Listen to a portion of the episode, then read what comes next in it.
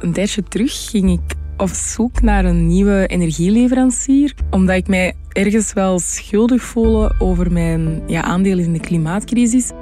Tot voor kort was ik klant bij de Franse oliegigant Total Energies.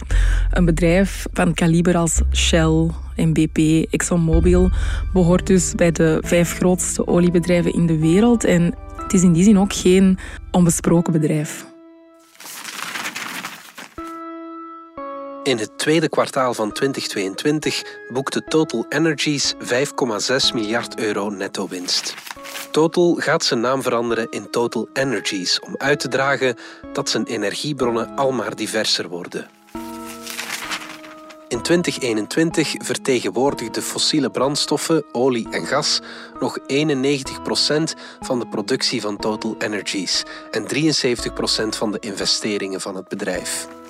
Dat waren allemaal dingen waar ik mij niet zo goed bij voelde, dus besliste ik om van leverancier te veranderen. Tot Russische troepen Oekraïne binnenvielen. We moeten Oekraïne bevrijden van een nazi, zei Poetin. En hij liet weten dat zijn troepen geen tegenstand zullen dulden. The EU has imposed sanctions on Russia following its actions in Ukraine. Een kwart van de olieimporten en bijna de helft van het gas dat Europa importeert komt uit Rusland. Zowel onze elektriciteitsfactuur als onze gasfactuur swingt volledig de pan uit. Russia's energy war on Europe.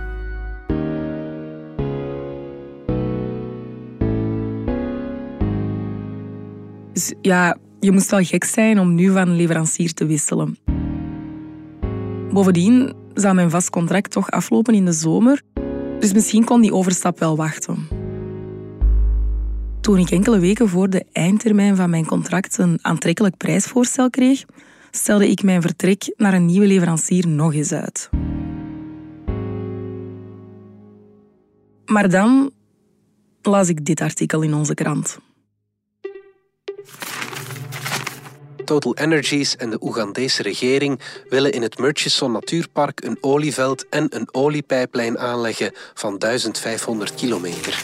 Milieuactivisten waarschuwen voor een natuurramp en klagen aan dat voor 100.000 onteigende mensen de armoede lonkt. Dit was de druppel. Hier wilde ik niks mee te maken hebben. En toch duurde het nog maanden voor ik echt op zoek ging naar een ethisch verantwoorde leverancier. Dus met alles wat ik wist, had ik altijd voor mezelf gekozen in plaats van voor anderen. Ik had voor kapitaal in plaats van het klimaat gekozen. Dus toen heb ik mij wel echt schuldig gevoeld. Maar waar komt mijn schuldgevoel vandaan? En zijn er misschien nog mensen die zich soms schuldig voelen? Hoe gaan anderen dan met dat schuldgevoel om? En is mijn schuldgevoel terecht?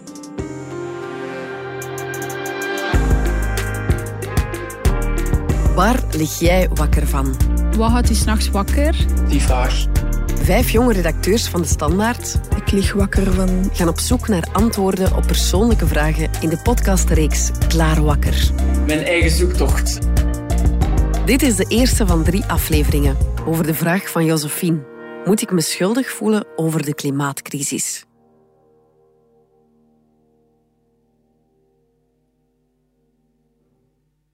Voel ik mij schuldig? Ja, eigenlijk best wel.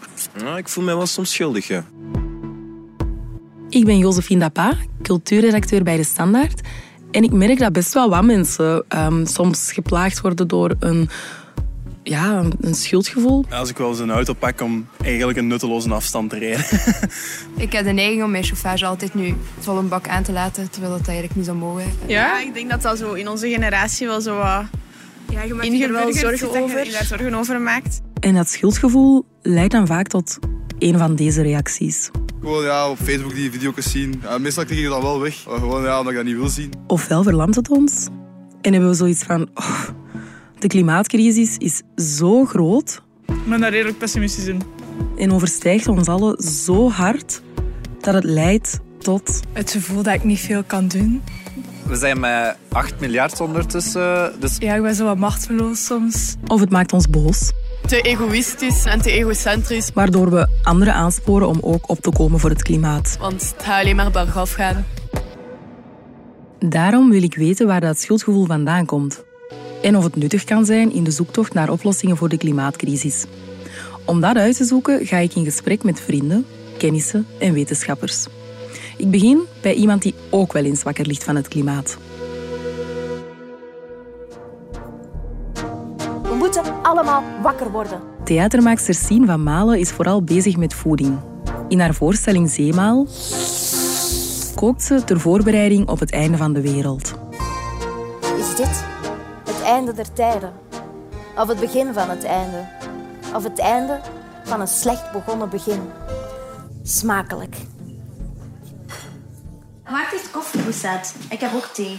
Ja, koffie is goed. Ja, ja, ja. Zoveel, denk ik. Uh, ik ga wel eens sojamelk. Sien is altijd wel bezorgd geweest om het klimaat. Ja, dat zijpelt natuurlijk wel een beetje zo binnen. Maar enkele jaren geleden nam dat gevoel grotere proporties aan. Bezorgdheid werd onrust, onrust paniek. Dat ik dacht, ik krijg geen adem, het is echt, het is echt warm. Paniek werd angst. Een alles verlammende klimaatangst. Toen het regende in een hittegolf, toen ik overal emmers ben gaan zetten in de tuin, omdat ik echt dacht, er komt echt een mega droogte aan. En ik had de enige zijn die nog regenwater heeft. Of dat ik dacht, ja, ze zijn nu al een hittegolf aan het voorspellen. Ik ga nu drie ventilatoren kopen, want binnen een paar maanden is alles weer uitverkocht en kost dat veel geld. En dan voelde dat echt van, dit is niet meer iets wat je hoort in het nieuws, je merkt het zelf. Zeer herkenbaar. En Sien en ik zijn daar niet alleen in. Uh, ja, je ziet vooral met die skigebieden en zo, dat je nu opnieuw ziet, dan merk je eigenlijk al dat het niet de toekomst is, maar dat het eerder is van ja, kom dan in de buurt. Dus uh, je stelt je wel vragen van, kunnen wij zo blijven verder leven? Uh... Ik zat gisteren met een vriendin op de trein en die, die zei dat ze echt bewust geen kinderen wilt. Hoe gaat dat zijn in de toekomst? Ja. Om zichzelf tot rust te brengen, besloot Sien om met die emoties aan de slag te gaan. In de keuken. De plek die ze het best kent. Omdat ik dan ja, gepassioneerd ben door koken. Die echte passie, dat is wel echt gekomen doordat ik uh, heel ziek ben geweest. Ik heb de ziekte van Crohn. En dan ben ik, had ik zoiets van, ja, wat, wat eet ik eigenlijk? En dan ben ik daar beginnen onderzoek naar doen. En dan ook toch beginnen koken. En sowieso heb ik altijd al heel graag gegeten. En ook wel graag gekookt, maar het is toch wel next level gegaan nadat ik uit het ziekenhuis kwam. In de zoektocht naar een nieuw eetpatroon kwam Sien vanzelf uit bij duurzame voeding. Want daar heb ik ook dan gemerkt dat wat goed is voor mijn lijf om mijn ziekte onder controle te houden, is goed voor de ecologie. Maar is het ook betaalbaar? Ja, zeker in het begin dacht ik, ja, maar ik verdien niet veel, dus ik ga niet alles bio kopen hoor. Nee, ik ga geen groentepakket doen, dat is veel te duur. Nee, nee. En dat ik nu merk dat het eigenlijk veel goedkoper is dan groenten uit de supermarkt. En dan nu uh, twee maanden uh, zero waste geleefd. En ik heb zo echt voor mezelf een, een systeem van, um, als het niet verpakkingsloos kan, dan gaat het daarna eerst naar blik, dan naar papier en dan naar glas. Omdat dat volgens de meeste bronnen de meest ecologische stappen zijn. Ja, wat, ik, wat interessant vind, is dat je zo voor jezelf een systeem hebt bedacht om zoveel mogelijk oké te zijn met leven zoals het is. Omdat ik heb mij al vaak afgevraagd of het niet voor een stukje gewoon daarover gaat. Als ik naar mezelf kijk. Ik kan wel zeggen, ik doe ingreep X, Y en Z omdat het goed is voor de aarde. Maar ik denk dat ik vooral mezelf probeer te sussen. In het reinen komen, denk ik, met alle andere dingen die ik niet doe. Maar ja, ik denk gewoon dat je dingen wilt doen die passen bij je normen en waarden. Want ik heb nu ineens ontdekt, dat is echt mega stom, dat wij eigenlijk niet ecologisch aan het verbouwen zijn. Doordat iemand zei, ik was aan het vertellen over de verbouwing, en dan zei ze, ah, hoe gaan we dat dan doen? Ik zei, ah ja, dan met hyproc en dan isoleren met, met dit. En dan zei hij, maar dat is wel kei slecht voor het milieu. Ik vind het raar dat je met je verbouwing niet ecologisch bezig bent. Mhm. En datzelfde onderzoek doet, gelijk dat je met eten doet. En voor mij was dat ineens zo van... Ah ja. welk gevoel gaf je dat? Ja, eerst vond ik het al makkelijk, omdat ik dacht, ja... Het eerst kwam ik met allemaal argumenten, denk ik, maar ecologisch verbouwen is kei duur. En sorry, we zitten al een half jaar in onze woonkamer te slapen. Ik heb echt geen tijd om daar... Dus alles wat mensen zeggen over eten, zeg ik...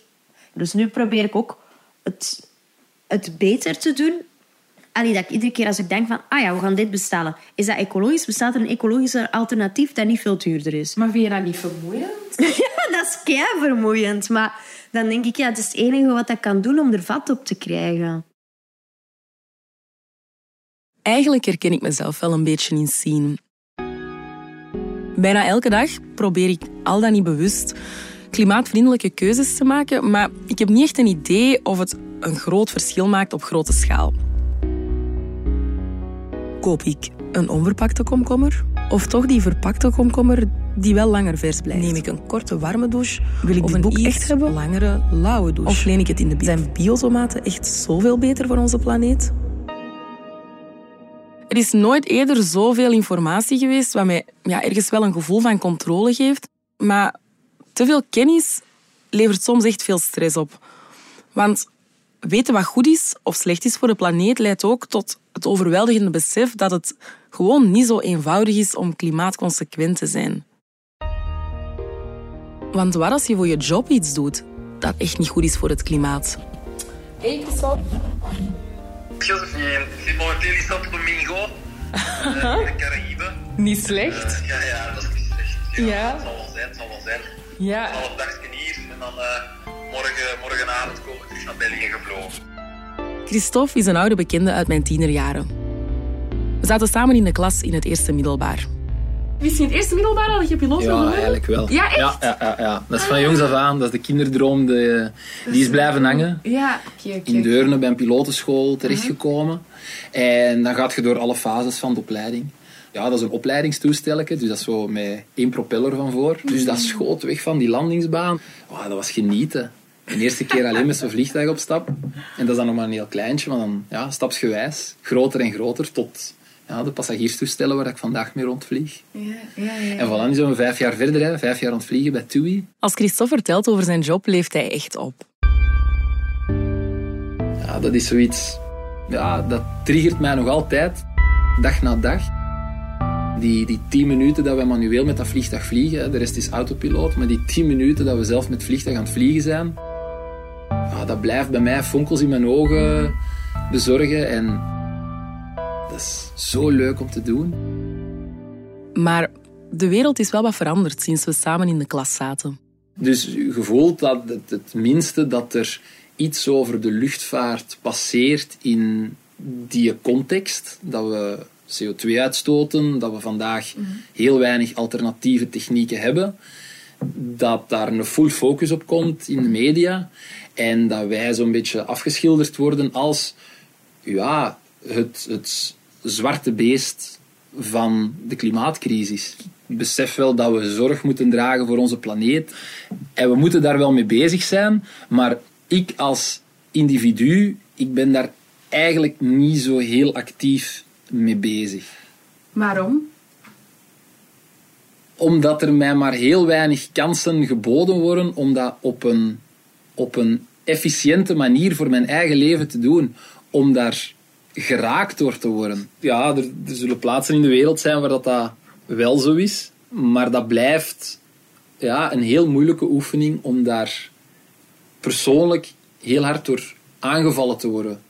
Van, oei, wat ben ik hier aan het doen? Wat ben ik hier met onze planeet aan het doen? En ik vrees dat de reden daarvoor is dat er heel weinig directe gevolgen op de korte termijn zijn.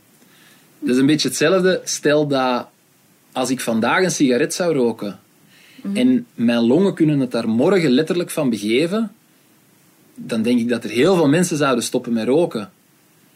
Maar omdat die effecten zich pas op veel langere termijn voldoen, gaan mensen niet stoppen met roken. En ik denk dat dat met klimaat een beetje hetzelfde is. Christophe kan het dus allemaal beter relativeren dan ik. Als hij door de wolken zweeft, dan voelt hij toch vooral euforie.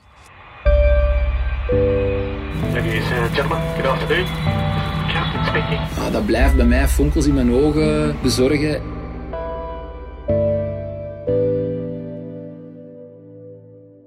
Maar vliegtuigen zijn nu eenmaal vervuilend. Hoe gaat hij daarmee om? Zeker in heel het klimaatdebat begrijp ik wel dat ze vandaag heel hard de zeer korte afstandsvluchten aan het viseren zijn. Omdat je daar eigenlijk met een, in sommige gevallen toch, een heel goed alternatief ziet, namelijk de, de hoge snelheidstrein. Maar de globalisering die tot stand is gekomen, heeft de luchtvaart ook gewoon nodig om onze economie draaiende te houden, eh, zodat mensen hun familie kunnen gaan bezoeken. Eh, Wij zijn een, een noodzakelijk iets en wij doen ons best om dat zo groen mogelijk te doen, maar wij kunnen spijtig genoeg vandaag nog niet tot een, een zero carbon footprint gaan. Het evalueert echt wel. Ze zijn daar in de luchtvaart heel hard mee bezig. Er zijn vandaag elektrische vliegtuigen. Ah, ja. Dat zijn kleine sportvliegtuigjes. Mhm. Daar is dan nog een haalbare kaart om dat met batterijen op te lossen. Voor lijnvliegtuigen is dat spijtig genoeg vandaag nog niet. Dus ik denk dat je de luchtvaart een tijd moet geven van zichzelf te ontwikkelen. En dan gaan we daar ook wel geraken.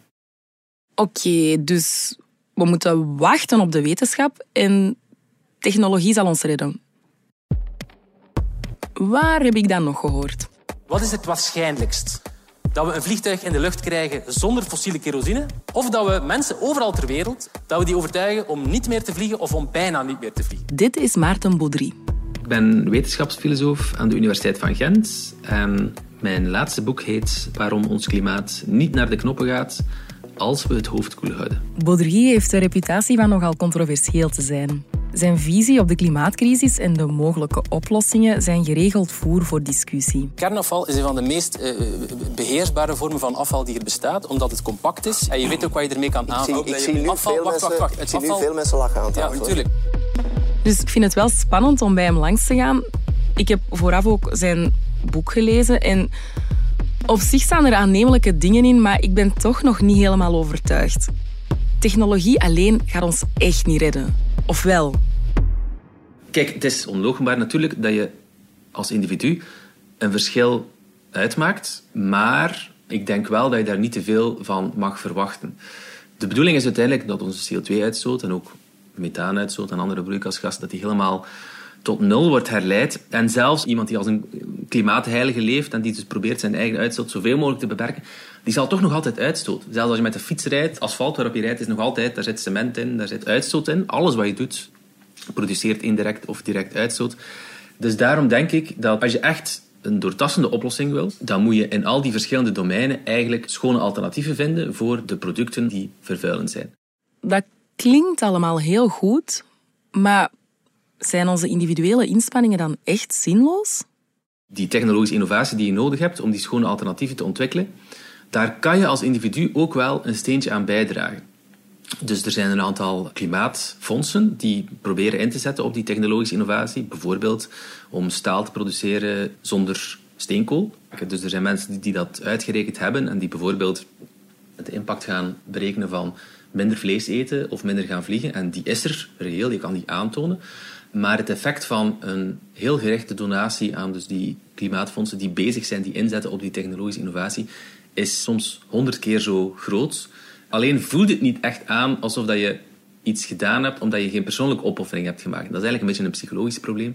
Wanneer mensen met een schuldgevoel zitten, omdat ze vervuilen, omdat ze vlees eten, omdat ze vliegen enzovoort, hebben ze het gevoel dat ze moeten inbinden, dat ze een, een deel van hun levensstijl moeten gaan opofferen. En als ze dat niet doen, als ze bijvoorbeeld gewoon geld doneren, dan hebben ze het gevoel dat ze zich er gemakkelijk van afmaken. Ja, ergens snap ik wel wat hij zegt en het klinkt ook allemaal aannemelijk, maar zo eenvoudig kan het toch niet zijn? Baudry, zijn visie, druist ergens ook wel in tegen de redenering van klimaatactivisten zoals de Oegandese Vanessa Nakate en Greta Thunberg. Zij pleiten voor klimaatrechtvaardigheid. The climate crisis is, of course, a crisis of inequality that dates back to colonialism and beyond. Klimaatrechtvaardigheid omdat ze de klimaatcrisis zien als een symptoom van onze onhoudbare levensstijl, die wereldwijd veel leed veroorzaakt. Um, we are not the ones who, who are experiencing the consequences of the climate emergency. We see it as, as a faraway topic. Where I live, A two degree world means that a billion people will be affected by extreme heat stress. In die zin lijkt zijn logica toch vooral een manier te zijn om onze levensstijl te behouden. Terwijl daar misschien iets moet veranderen. Of is mijn ongemak dan toch een psychologisch probleem? Want ja, een deel van mijn schuldgevoel heeft vooral te maken met het idee dat ik niet genoeg doe. Dat ik niet echt iets opoffer om het klimaat te redden. En ik had het er ook over met Christophe, de piloot. En bij mij persoonlijk merk ik dat ik wel probeer te doen wat volgens mij slimme keuzes lijken. Maar ik moet in alle eerlijkheid ook toegeven dat ik die keuzes niet zou maken als ze moeilijk waren. Ik ben nooit car crazy geweest. Ik, ik fiets gewoon graag, ik wandel gewoon graag. Maar dan is natuurlijk de vraag, is daar iets mis mee? Moet groen gedrag moeilijk zijn om legitiem te zijn of zo? Nee, zeker niet. Allee, ik denk, elk initiatief kan helpen, hoe klein of hoe groot ook. En als dat past in uw leven en dat kost minimaal een effort om daarin mee te gaan, zij het, ik moet thuis geen auto hebben, of iemand anders zegt, ik eet thuis geen vlees, als dat voor die persoon een heel makkelijk op te offeren iets is, why not? Alle beetjes helpen. Maar daartegenover staat wel dat dat totaal niet de manier is waarop dat ik in het leven sta. Hoe sta je in het leven? Op vlak van klimaat zeer pragmatisch. Wat wil zeggen dat ik hier vandaag ook naar Brussel ben gekomen met een trein. Niet om vanavond te kunnen juichen van nu ben ik een keer goed geweest voor het klimaat vandaag.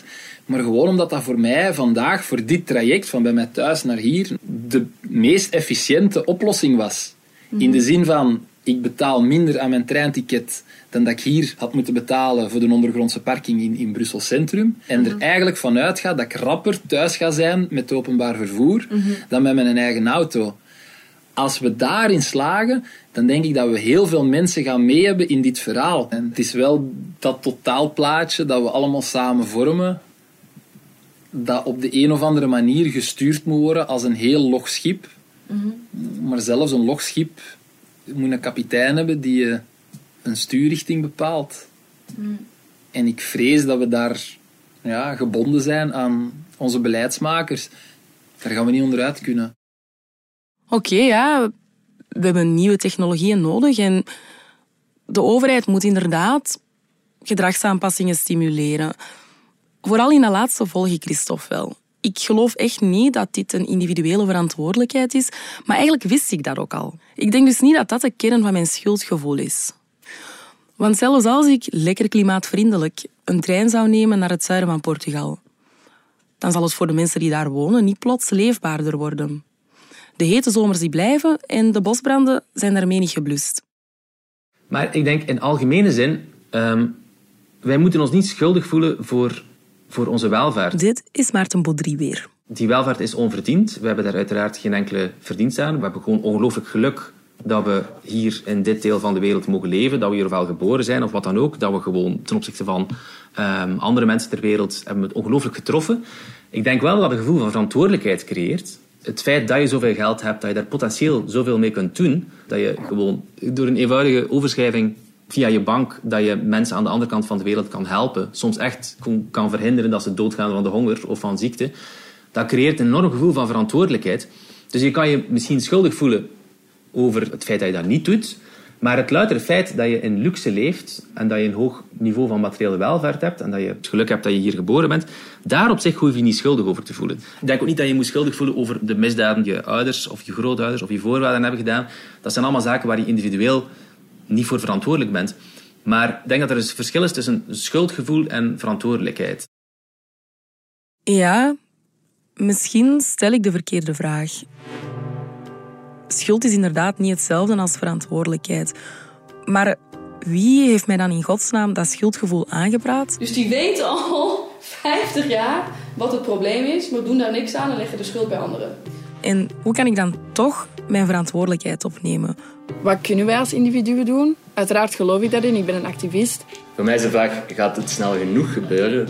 Maar als jij niet meer vliegt, is het probleem niet opgelost opeens. Wat kan ik wel doen? Dit was aflevering 1 van de driedelige podcast van Josephine Napa.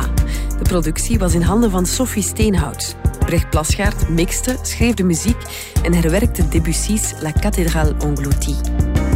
Beluister ook de andere podcasts van Klaar Wakker. Volg Klaar Wakker in de podcast-app van de Standaard of op uw favoriete podcastplatform.